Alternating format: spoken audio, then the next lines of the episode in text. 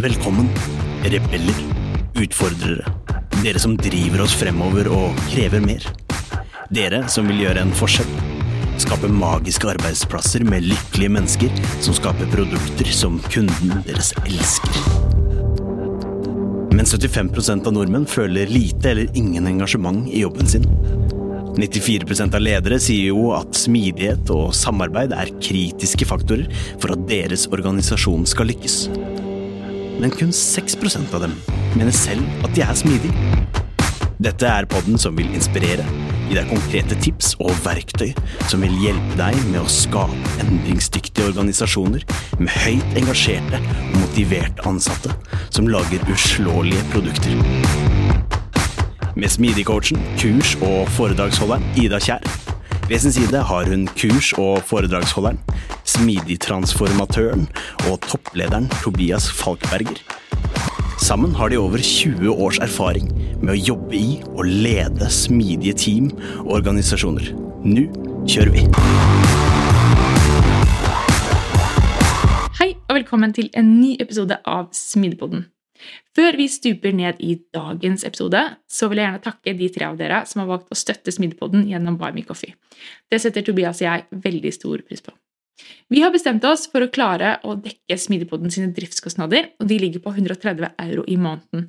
Så om du kunne tenke deg å støtte Smidepodden, så gå inn på smidepodden.no slash 1 kaffe. Smidepodden har så klart også et eget nyhetsbrev. Og i det nyhetsbrevet så deler vi key takeaways fra episoden og andre ting som kan være av interesse.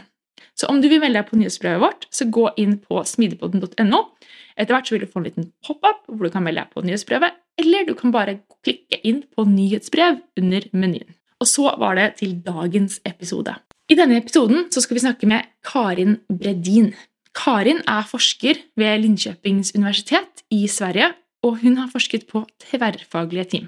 Det som er interessant, er at Karin hun ser at eh, tverrfaglige team det er kanskje ikke så rosenrødt som vi ønsker å tro. Og Det betyr ikke at det nødvendigvis er noe galt med tverrfaglige team, eller at vi ikke skal organisere oss på den måten, men det betyr, som Tobias pleier å si, at vi må ha ekstra fokus på det vi ikke er organisert for. Og hva betyr det? Hvilke utfordringer er det som kan oppstå, og hva bør vi være oppmerksomme på? Det er dette vi skal diskutere mer i denne episoden. Så da tenker jeg at vi bare hopper rett inn i dagens episode med Karin. Hei, Karin, og velkommen til oss. Tack så mycket. Veldig, veldig hyggelig at du har lyst til å være med på en Smidigpod-episode. Eh, Du er her i dag for du skal snakke om et kjempespennende tema med oss. Men har du lyst til å introdusere deg selv litt først? Absolut, det kan jag göra. Jag heter Karin Bredin och som ni hör är jag svensk. Låter ännu mer svensk än vad Tobias gör har jag förstått. Jag eh, bor i Linköping eh, som ligger lite söder, en bit söder om Stockholm eh, och jobbar på Linköpings universitet. Och där är jag lärare och forskare i företagsekonomi med speciellt intresse för projektorganisering, temporär organisering och personalfrågor, kompetensfrågor i den typen av organisation. Och sen jobbar jag faktiskt också deltid med eh, det som kallas uppdragsutbildning. Så jag jobbar med eh, ja, samordna och projektleder eh, universitetets arbete med sådana utbildningar som vi kan då sälja till företag som kompetensutveckling. Mm. Så det, Spennende. ja, arbetsmässigt är det det jag gör. Ja. Hmm.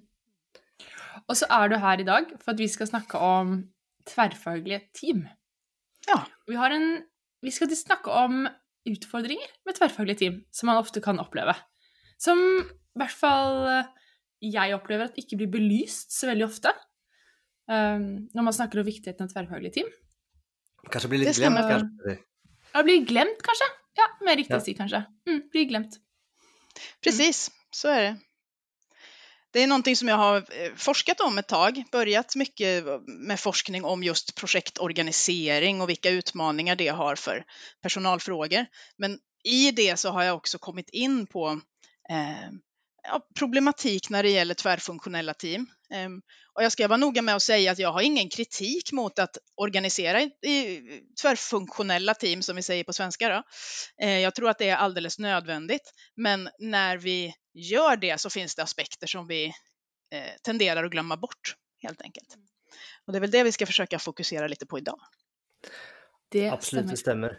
Så jag tänker kanske nästan du kan bara, nästan bara dra igång så tror jag nästan att, för, för det vi snackade ju för vi eh, började att spela in här och det, det är så otroligt spännande så jag tänker nästan att vi kan liksom, eh, vad är det liksom, um, kan liksom helt överordna, vilka liksom problem är det man ser? Så kan vi bara, bara starta där kanske? Eller man problem Absolut. som gärna uppstår?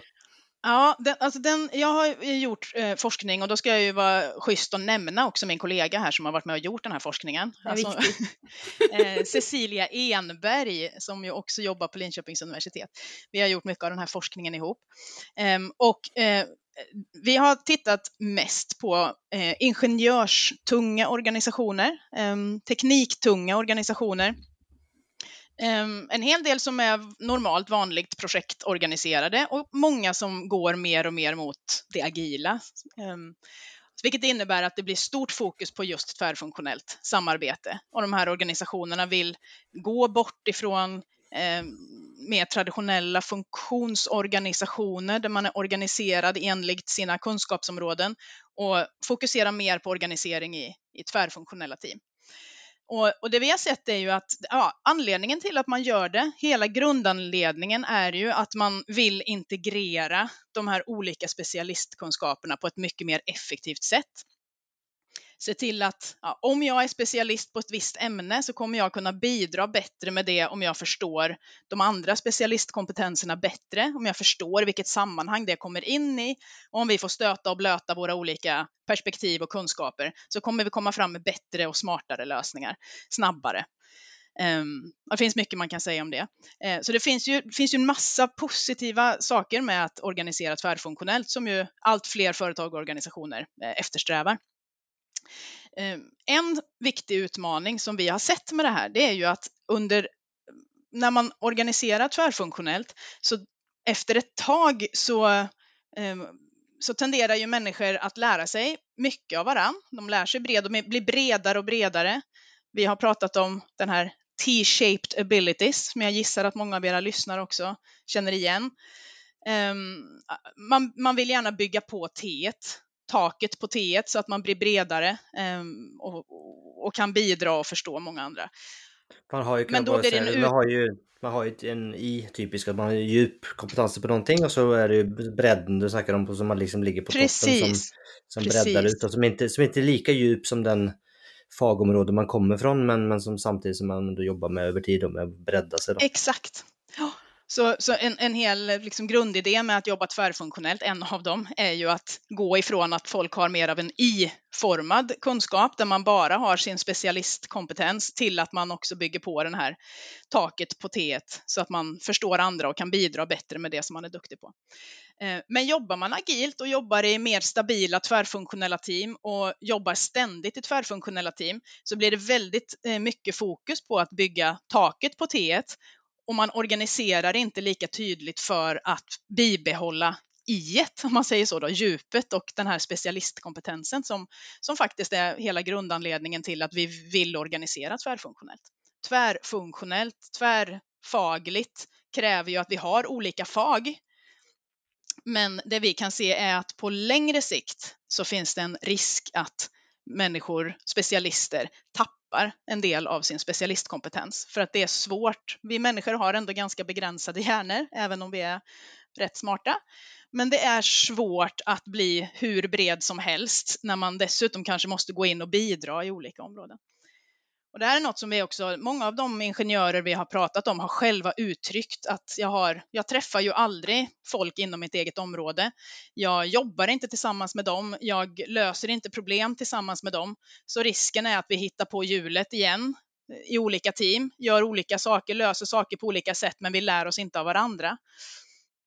Jag brukar ta testare då, vi har tittat mycket på software eh, och titta på testare som en sån grupp som ofta själva tar initiativ till att nej, men vi måste gå och ta en kaffe en gång i veckan för att bara prata ihop oss, vi testare. Och det är så skönt att prata med någon som kan samma språk och som fattar vilka problem det är vi sitter i. Vi kan dela med oss av kunskap. Men eh, organisationerna organiserar ofta inte för det här eh, på ett, ett sätt som fungerar. Det finns idéer, man jobbar i koppar och man såna här communities of practice och man försöker ha kompetensnätverk på olika vis. Men ofta så eh, ser vi att de där upplevs som add-on activities, någonting som man liksom förväntas delta i utöver sitt riktiga jobb i teamet. Och då är det svårt att prioritera det och det är svårt att få liksom en kontinuitet i det. Så. Det där är en Men, risk som vi ser. Det er kjempeinteressant det du sier nå, for det er akkurat det jeg opplever i organisasjoner. Ja, vi har tverrfaglige team, ok, da organiserer vi oss med Communities for Practice eller sånne ting, hvor spesialister kan møtes og utveksle kompetanse og arbeide med læring. Men jeg opplever også det samme som deg, at det blir en ekstra greie. Mm. Som ofte da kan nedprioriteres, fordi du ikke har tid, da, rett og slett. Precis. Har du, får... har du sett något på vad det är, alltså, du, du, du är lite inne på det, men vad det är som driver det? Är det är det det att det inte blir prioriterat, det inte är fokus eller är det, kan det vara att det inte är förstått att det behövs eller är det för att man inte själv förstår att man behöver, alltså vad, vad är det som gör att, att det här händer över tid? Alltså vad, är det liksom, ligger det hos individen eller är det egentligen ett organisationsproblem? Man kan säga så här att de ställen där vi ser att det fungerar, det är där man har lyckats integrera det mycket tydligare i till exempel en projektmodell eller i en tydlig rutin i organisationen, att vi har en rutin, att man eh, Ja, men exempelvis att i, i, eh, efter en sprint, om vi nu kör agilt, efter en sprint då träffas alla eh, utvecklare eller alla testare träffas och tittar igenom vad de har gjort i den här sprinten. Man kanske kör eh, partestning eller man kör igenom något case och visar hur har vi löst det här. Det är liksom integrerat i processen att vi förväntas att vi gör det i den här delen av processen. Det är inget som, man, som blir en Ja, ibland kan man ju tänka att det finns lite sådana här organisatoriska fritidsaktiviteter som man får göra på arbetstid, men det är ingen som egentligen uppskattar om man gör det eller det är inget som det finns någon tid att göra utan det man egentligen mäts på och det hela liksom ska man säga, incitamentsystemet bygger på är ju att du presterar i ditt team och att du håller mm. deadline och att, du, att det är där du jobbar. Och sen det här andra, lull-lullet som vi kan kalla säga på svenska ibland då, som ja, de här organisatoriska fritidsaktiviteterna, det, det gör du ju när du när du har tid och möjlighet. Jag tror absolut Tobias att, att det är de allra flesta känner behovet och förstår behovet. Men de har väldigt svårt att i vardagen prioritera att idag ska jag sätta mig och jobba med min specialistkompetens eller idag tror jag jag ska gå på det här mötet för det verkar viktigt. Så en viktig del tror jag handlar om prioriteringen och hitta tid och en annan viktig del är att de här, eh, framförallt sådana här communities of practice som, som vi ibland har sett inte är organiserade på ett sätt som attraherar. De innehåller inte aktiviteter som specialisterna tycker är värdefulla för att faktiskt utveckla deras kompetens. Det kan komma någon som presenterar någonting eller någon chef på lite högre nivå som kommer och berättar om någonting som den personen tycker är viktigt. Eh, men det som ofta efterfrågas är ju möjlighet att faktiskt sitta och brottas med riktiga problem och lösa dem tillsammans för att på så sätt få erfarenhetsdelning. Och finns inte den typen av riktigt samarbete inplanerat i processerna så är det väldigt svårt att få till. Men de koppar som funkar bäst är ju just sådana erfarenhetsutbyte. Vi tar med ett case, vi tar med ett problem, vi sitter och löser det ihop och vi, läser, vi lär oss av varandra. Liksom. Det är ju väldigt intressant det du säger där, för att um, när jag har coachat team og vi snakker om kompetanseheving, måten ofte utviklerne ønsker å gjøre det på, er ikke at én står og har en powerpoint og forteller om hvordan man gjør det, men det er at de faktisk sitter sammen og løser et case. Mm. Ja, det er precis det, det som jeg ser også. akkurat det samme. Ja.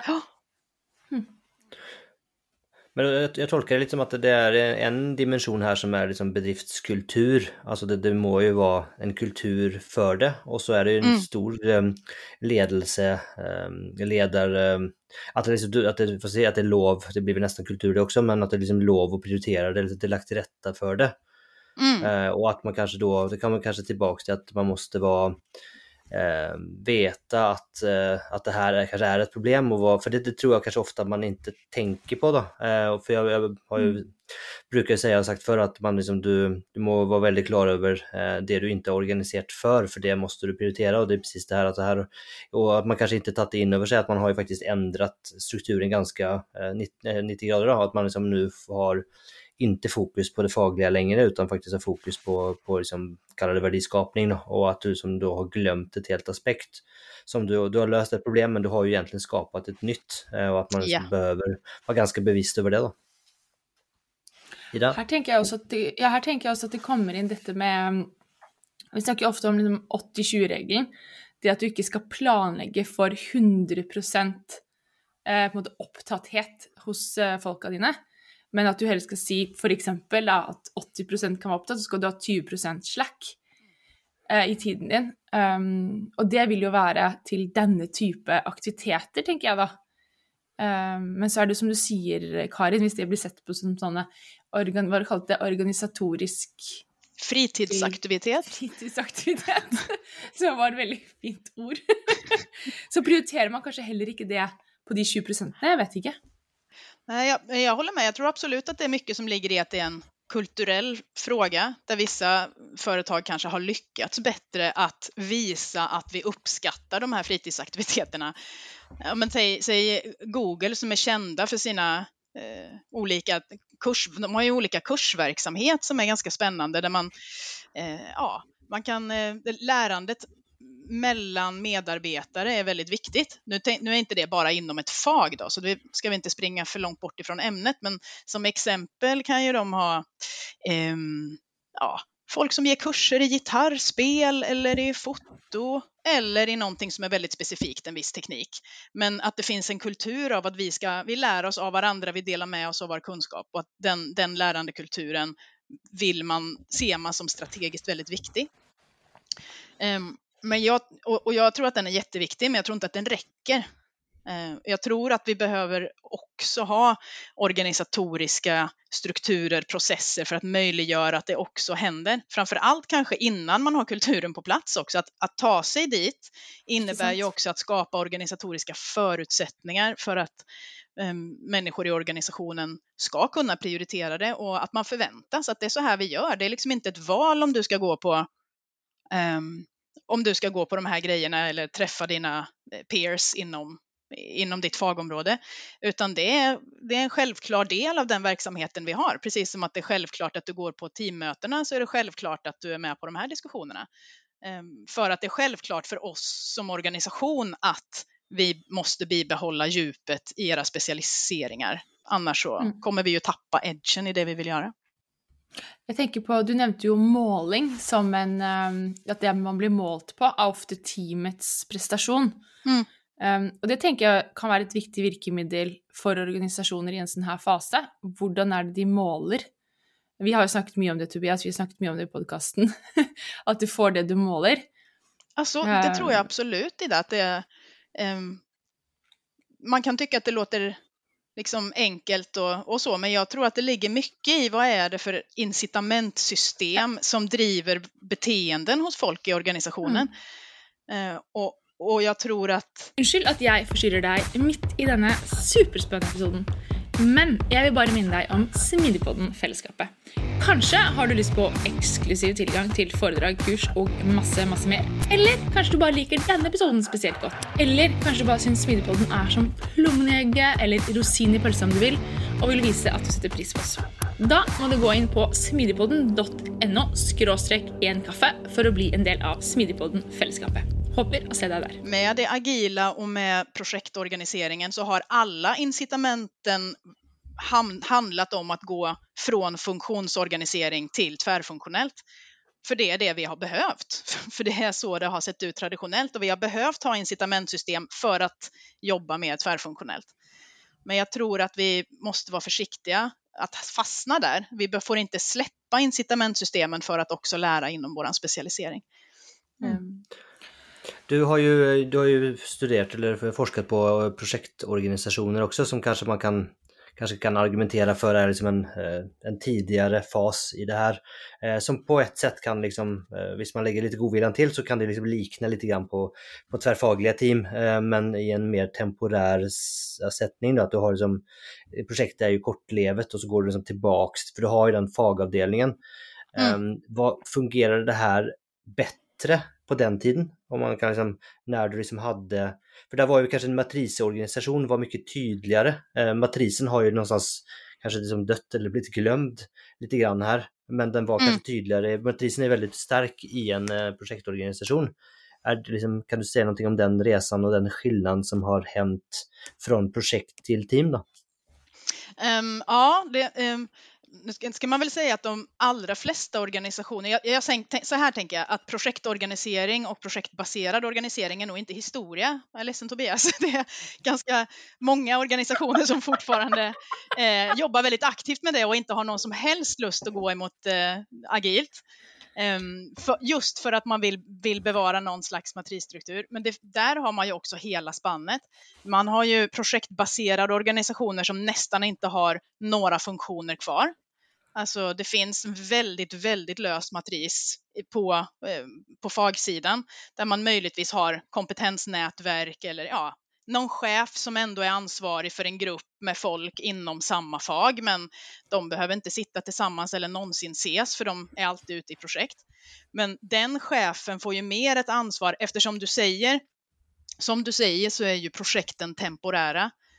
Det gör att de här människorna går ju in och ut ur projektteam kontinuerligt. Så man har projektstart och så är man med i ett projekt under en period, ett par månader, ett par år, en livstid, nej kanske inte, men projekt kan ju vara väldigt korta eller väldigt långa. Men en chef mm. på, det, på det sättet i en, i en fagorganisation behöver ju hantera de här um, snurrorna, hur folk går in och ut ur projekt och vilka projekt som behöver vilken kompetens Eh, och se till att det här fagområdet har tillräckligt med kompetens för att skicka in i projekten. Och projekten är nästan alltid organiserat tvärfunktionellt. Så ur, ett, ur individens perspektiv så jobbar du ändå alltid tvärfunktionellt. Du jobbar i tvärfagliga team konstant i de flesta projektbaserade organisationer och har en, en lös koppling till någon slags, eh, ja, till, till någon slags fagområde. Men du har också här, du, du, byter också team ofta. Mm. I de här nyare agil, med den agila metoden så finns ju en, en stark del för de flesta, det ser ju jätteolika ut givetvis, men om man tittar generellt så är ju en idé ändå att du går mot mer stabila tvärfunktionella team. Så att du inte måste byta för varje projekt, utan du har en stabil arbetsgrupp Eh, som då lär sig av varandra. Men det gör också att du får en ännu lösare koppling. Eftersom det är det som blir din stabila hemvist, då får du en ännu lösare koppling till ett fagområde. Och i många fall så har du kanske inte ens kvar något fagområde i organisationen, utan du kan ha en agil, en, en, en chef eller en coach eller vad man nu kallar det, som har ansvar för ett antal sådana här team. Men den har egentligen ingen koll på de olika specialistkompetenserna och hur man ska upprätthålla sitt fagområde.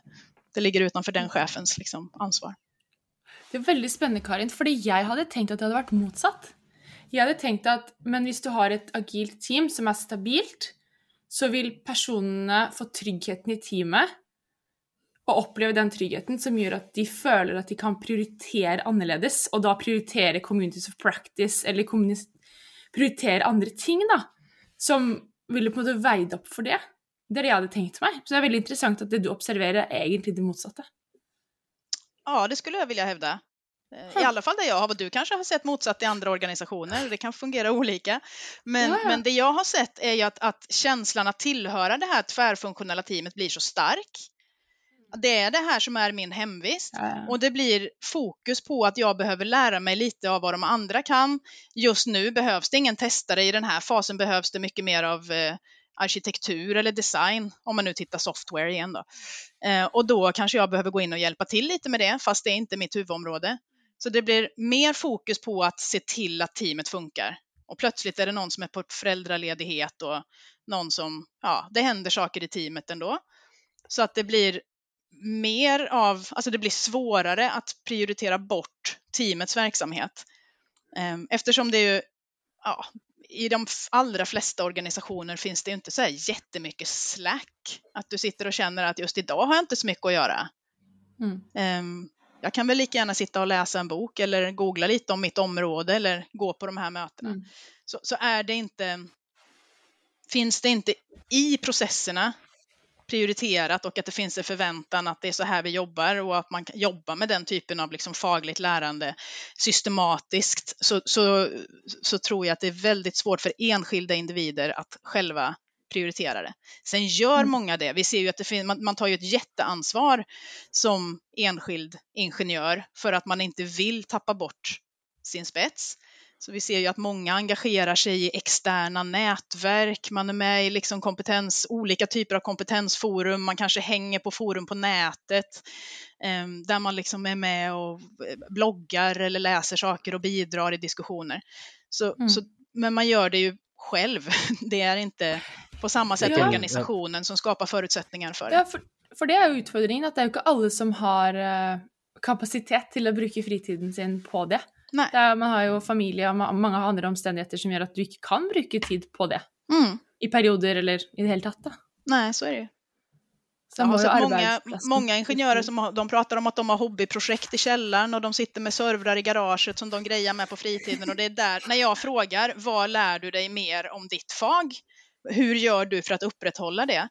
Så är det inte alldeles ovanligt med den typen av svar att ja, men jag sitter och fixar hemma, jag har en, jag har lite server, en server, eh, serverrum i källaren som jag grejar med eller jag, är, jag är engagerad i det här forumet på den här science parken och jag driver de här ja, sakerna. Men det gör man utanför organisationens gränser för att själv hålla sig up to date. Men eh, ofta så har de svårt att få möjlighet att göra det inom ramen för organisationen. Men, men typ tillbaka till med, med projektet så är det, det du ser är att i en projektorganisation så är det ett mindre problem även om man jobbar tvärfaglig i team. Är det en okej uppsummering? Ja, det kan man säga. Det, det finns, det finns i, i sådana projektorgan, projektbaserade organisationer som har någon slags tydlig fag del kvar i matrisen så finns det i alla fall större möjligheter. Den, den finns liksom i organisationen så det finns åtminstone större möjligheter. Problemet finns fortfarande, det är inte utsuddat, men så länge du har de här eh, stuprören någonstans kvar som en permanent organisation så finns det i alla fall en struktur för det. Sen är det ju helt upp till, som vi var inne på, vad har vi för kultur? Vad gör vi på de där mötena? Om jag är chef för en sån avdelning där alla mina anställda är ute i projekt hela tiden, vad gör jag liksom som chef? Hur gör, vad, vilken typ av aktiviteter organiserar jag för att de här ska på bästa sätt kunna lära sig av varandra och samarbeta? Och jag tror att, att, att utbilda ledarskap inom de fagliga områdena för att driva det här tekniska specialiserade, alltså den, den specialiserade teknikutvecklingen eller specialistutvecklingen i den här typen av organisationer den kompetensen är superviktig tror jag. Och det är något som, som man skulle kunna diskutera mycket mer och prata mycket mer om. För det är ett helt annat sätt att jobba på eh, jämfört med eh, om du har en klassisk funktionsorganisation och du har dina specialister på plats. Mm. Ja, för det är också ett intressant, där du är inne på det, jag vet inte om det är liksom innanför, eh, det blir lite, lite digression, men eh, jag tänker som historiskt sett så har du ju ofta att så den bästa, eh, den bästa fagliga medarbetaren ofta blivit den som har blivit ledaren. Så du har en extremt stark liksom, faglig kompetens. Han kanske inte varit den bästa ledaren, men han har varit väldigt god på faget. Eh, visst man ska liksom generalisera väldigt och se tillbaka i tid.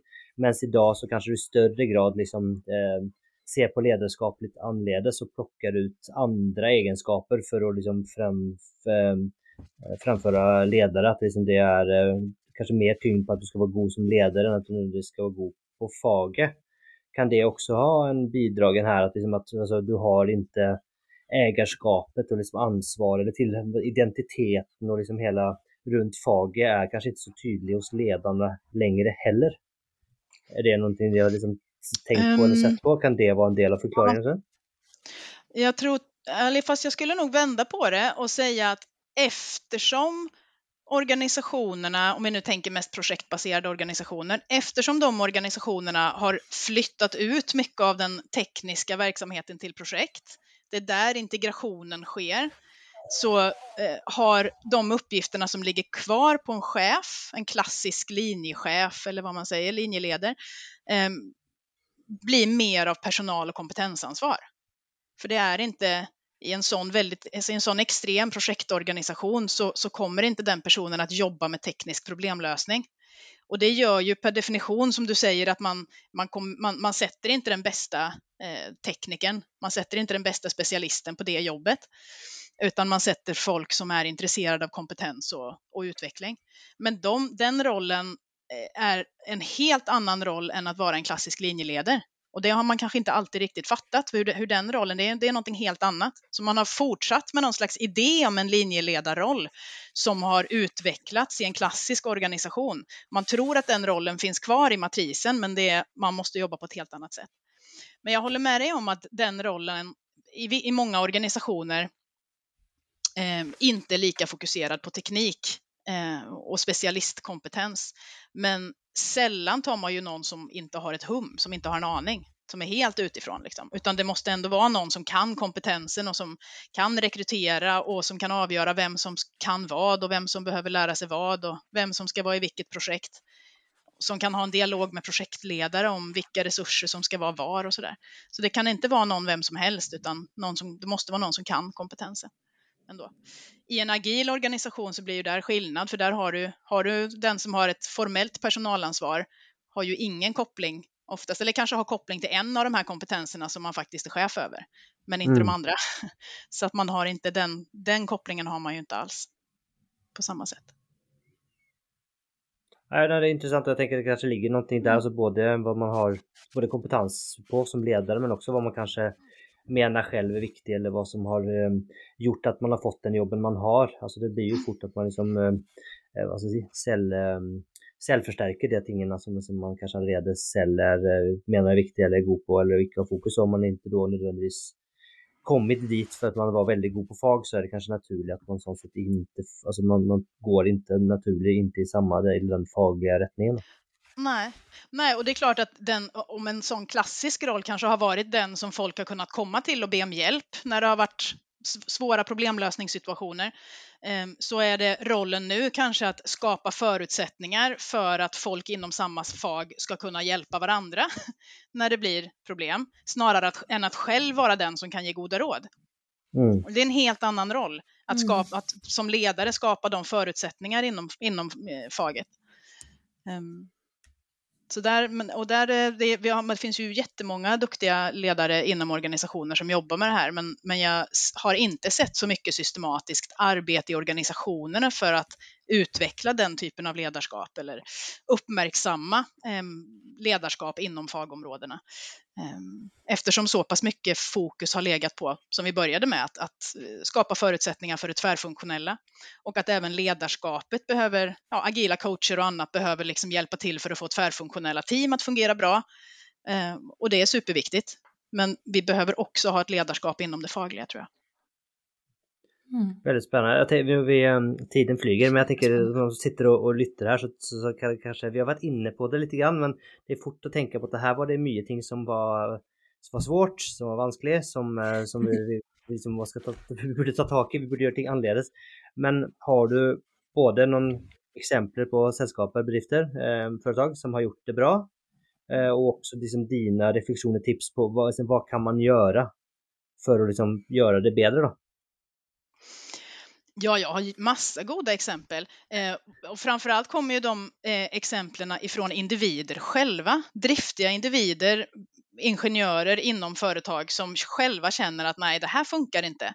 Och så drar de igång eh, ja, sådana här. I Sverige fikar vi mycket vet vi ju. Ja. Dricker kaffe och tar en bulle eller en macka eller någonting och sitter och snackar över en fika. Det finns väldigt många olika typer av fikor ute i svenska organisationer. Att vi har testfika eller vi har systemfika eller vi har ja, vad det nu är för någonting. Och då blir det ändå att vi träffas kring faget och så tar vi en fika och så snackar vi lite mer spontant och så det, såna, och det är ju ingenting, och det kanske inte heller ska vara ledarstyrt, utan det är sånt som måste få komma liksom utifrån vad folk känner att det finns för behov. Men däremot så kanske ledarskapet behöver vara duktiga på att uppmärksamma det när det kommer, försöka liksom ändå skapa förutsättningar för att det ska ske och för att det här är liksom en, en, en verksamhet som, som vi uppskattar och som är bra. Så det är ju en, en del. Eh, där man kan se att de här formella, att man ändå har skapat formella strukturer, det är ju sådana saker som jag har nämnt, där man faktiskt i projektprocessen eller i den agila processen tydligt sätter in avstämningspunkter där vi ser att här ska faktiskt specialisterna träffas. Det är en del i processen. Här träffas ni. Um, ibland är det, handlar det om en dag när man sitter och, och kollar varandras grejer, rättar varandras kod eller kollar på varandras grejer och ser till att kvalitetssäkrar. Eh, och lär sig av varandra på så sätt. Ehm, I vissa fall jobbar man i par för att lösa vissa, eh, vissa problem. Eller att man har ett antal dagar om året när man tydligt jobbar med gemensamma case. Man får ta med sig någonting som man har jobbat med under året som man diskuterar. Hur skulle man kunna lösa det här eller hur skulle vi kunna gjort det bättre? Men så, så den typen av väldigt praktiska aktiviteter som är inte add-on, som inte är organisatoriska fritidsaktiviteter utan som faktiskt är inplanerade och eh, med i processerna. Um, har jag faktiskt sett en del goda exempel på, men det skulle kunna vara mycket mer. Mm. Mm. Kämpefint. Spännande. Ja, det är väldigt spännande. Så med det Ida, ska vi börja och runda av kanske med de fem sista eller? Jag tror vi ska det. Jeg må bare si at uh, dette var kjempespennende tematikk, Karin. Jeg ja, men håper lytterne virkelig har fått uh, masse inspirasjon og læring. Det tror jeg. Vad bra. Mm. Ok, men Karin, vad ville du fortalt 20 år gamle deg selv? Ja, det här har jag funderat på. Jag har ju faktiskt fått de här frågorna lite att tänka på i förhand mm. och det mm. var väl tur det. jag har faktiskt kommit fram till att jag skulle inte vilja säga någonting. För jag skulle inte vilja veta.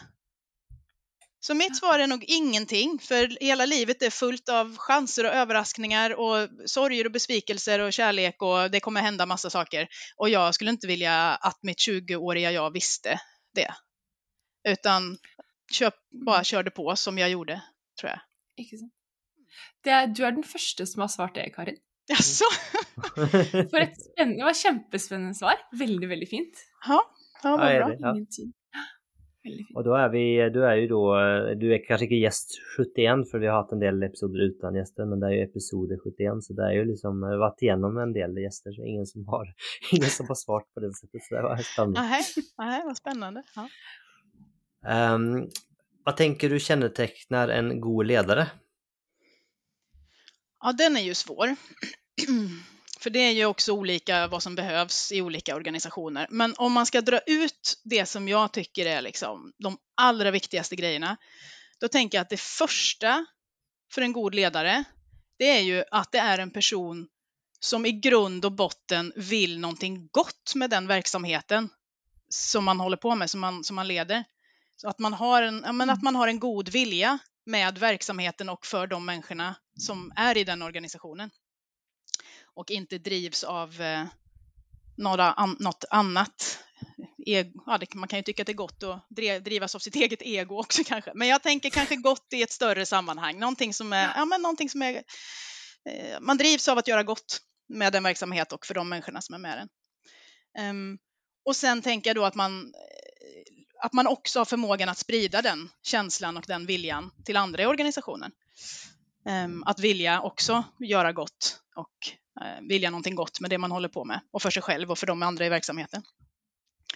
Och det sista då, att, att lyckas skapa förutsättningar för att i den andan då att folk faktiskt ska kunna prestera och bidra med det man kan och utveckla det man kan utveckla och, och, och behöver utveckla tillsammans. Att kunna skapa de förutsättningarna för människor i organisationen och för sig själv så att man klarar av att gå, föregå med gott exempel på att Eh, skapa ett, ja, men ett hållbart sätt att arbeta som ger motivation och, och, och leder till någonting gott.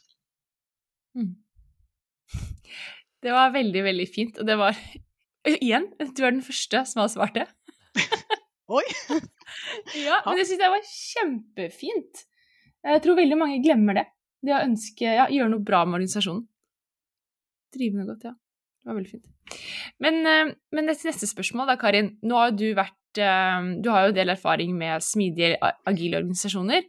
Mm. Og hva tenker du at du vil gi som tips til de som ønsker å bli mer Hvis de ønsker å etablere en mer agil kultur? Ja, alltså, men då två, två saker. En har vi faktiskt pratat om hela poddavsnittet, så den kommer jag mm. försöka uttrycka. Då. Men jag tänker, eh, en sak är ju att, våga, att, att, organisationen måste vara öppen för risktagande eh, och ex, mm. experimentera. Att man inte liksom, eh, att ingen i organisationen ska vara rädd för att göra misstag. Om man vill få till förändring och skapa nya saker så, så får man inte vara, ingen ska behöva vara rädd för att göra fel, för det är av felen vi lär oss. Och där ligger det mycket i kultur och ledarskap, att skapa en, den typen av kultur där det är toppen att göra en massa fel eh, och mm. lära sig av dem. Ehm, så det är väl eh, en sak. Men sen handlar det ju om det som vi har pratat om idag. Ehm, givetvis att om man tänker att alla olika fag vi har är som olika färger så måste en organisation bli en agil organisation bli väldigt duktig på att använda alla färger på paletten på ett bra sätt för att skapa fina konstverk och nya konstverk och nya innovativa sätt att måla på. Och man behöver låta de olika färgerna på paletten mötas på olika sätt, både för att skapa kontraster men också för att kanske blandas lite grann och skapa nya nyanser och nya, nya typer av färger. Men man kan inte låta bli, man får inte blanda bort grundfärgerna. För har vi inget vitt längre utan vi har använt allt det vita till att göra rosa, då kommer vi inte kunna göra ljusgrönt och ljusblått och grått och sådär. Så vi måste, kunna, vi måste ha kvar vitt. Och vi kan inte blanda bort allt. För att få en grön nyans och nya gröna nyanser måste vi ha kvar blått och gult. Annars kommer vi inte kunna få något grönt i framtiden. Så vi måste bevara, vi måste också se till att bevara våra grundfärger. Och vi kan inte blanda ihop alla färger, för det vet ni vad som händer. När man blandar ihop alla färger, vad får man för färg då? Är det brun? Ja, då kommer hela organisationen bli brun. Ja. Så vi, vi måste ju se till att bevara färgerna och använda dem på bästa sätt. Vi vill inte blanda ihop så allt blir brunt. Icke ha en brun organisation, nej. nej. Det var en eh, fa fantastisk metafor. Det var helt... Eh, ja, det var helt fantastiskt. Ja, ja. Gud. Eh, har du några eh, böcker, lydböcker på andra podcaster du önskar anbefalla? Um, ja, uh, jag uh, lyssnar mer på musik än vad jag, än vad jag läser och uh, lyssnar, jag lyssnar inte så jättemycket på poddar heller faktiskt. Men jag läser, jag har nyligen och håller på och läser med mina barn. Vi läser ju ett par gånger i veckan fortfarande, fast de är ganska stora, för vi tycker det är mysigt. Och då håller vi på och läser, vi har läst hela serien om Percy Jackson av Rick mm. Riordan och eh, har nu börjat på en annan av hans serier som heter Magnus Chase. Och de kan jag ju verkligen rekommendera för både vuxna men också att läsa med lite större barn. Då. Um, det finns några filmer om Percy Jackson, de är inte alls som böckerna. Läs böckerna istället. Det är spännande, det är kul och man lär sig en massa om grekisk och nordisk mytologi. Hela Percy Jackson kopplar an till grekisk mytologi och eh, Magnus Chase kopplar an till nordisk mytologi. Så man lär sig en massa om det. De är hjältar båda de här grabbarna och de eh, ska försöka hjälpa de här klantiga gudarna och rädda världen helt enkelt. Oh, så mm. Spännande. Och så har du skrivit två böcker själv då, har du inte det? Det må väl lov att ja, anbefalla? absolut. Får man göra det? Ja. ja. ja. Ja, men jag har skrivit några böcker. Eh, jag har skrivit en på svenska, den börjar få några, ha några år på nacken, men den är väldigt bra tycker jag. Perspektiv på HRM heter den. Och den är ju fokus på Human Resource Management i projektorganisationer. Har ett antal fallstudier på svenska företag och hur de har liksom försökt hantera det här. Um, och sen har vi skrivit en bok på engelska, motsvarande då, som heter Human Resource Management in project-based organizations. Och eh, den är mer ett resultat av många års forskning inom området. Ehm, så den har också med ett antal fall, men tydliggör verkligen den här förändringen i roller när det blir mer projektorganiserat. Och vad, förändringen i en linjechefsroll och förändringen i vad, vad gör en projektledare, hur mycket personalansvar har egentligen en projektledare, fast det inte står på pappret. vad, hur behöver HR-specialister och HR-funktionen organisera sig för att stötta bättre i en projektbaserad organisation? Och vad, vad faller på individer själva? Och så. så den kan jag gott anbefalla också. Och så är det sista frågan då. Och det är ju hur kommer man i kontakt med dig? Ja, då mejlar man. Det är väl enklast. Man, det är det allra enklaste att skicka en e-mail. Eh, och det vet jag inte om det hjälper att jag säger den högt eller om ni liksom lägger ut den någonstans. Jag kan posta den. Ja. Jag kan lägga in det, det enklast. Jag finns på LinkedIn också. Ehm, jag är inte en eh, jag, eh, jag eh, jobbar mycket med influencing genom mina studenter och undervisning och allt möjligt, men inte så mycket på sociala medier. Så jag är inte någon stark influencer så, men jag finns på LinkedIn och man kan nå mig. Så är det. Där ser man. Mm. Strålande. Då ska vi göra det. Så med det. Perfekt. Så säger vi tusen tack för att du ville komma till oss. Det var. Tusen tack för att ni bjöd in mig. Det var jättetrevligt att få prata med er en stund och berätta om det här. Så bra. Det syns vi det syns vi det bare å si ha det bra. Ha det. Ha det. Ha det. Hei da. Jeg vil bare minne deg om Smidigpodden-fellesskapet. Kanskje har du lyst på eksklusiv tilgang til foredrag, kurs og masse masse mer. Eller kanskje du bare liker denne episoden spesielt godt. Eller kanskje du bare syns Smidigpodden er som lommen i egget eller rosin i pølsa om du vil, og vil vise at du setter pris på oss. Da må du gå inn på smidigpodden.no skråstrek en kaffe for å bli en del av Smidigpodden-fellesskapet. Håper å se deg der.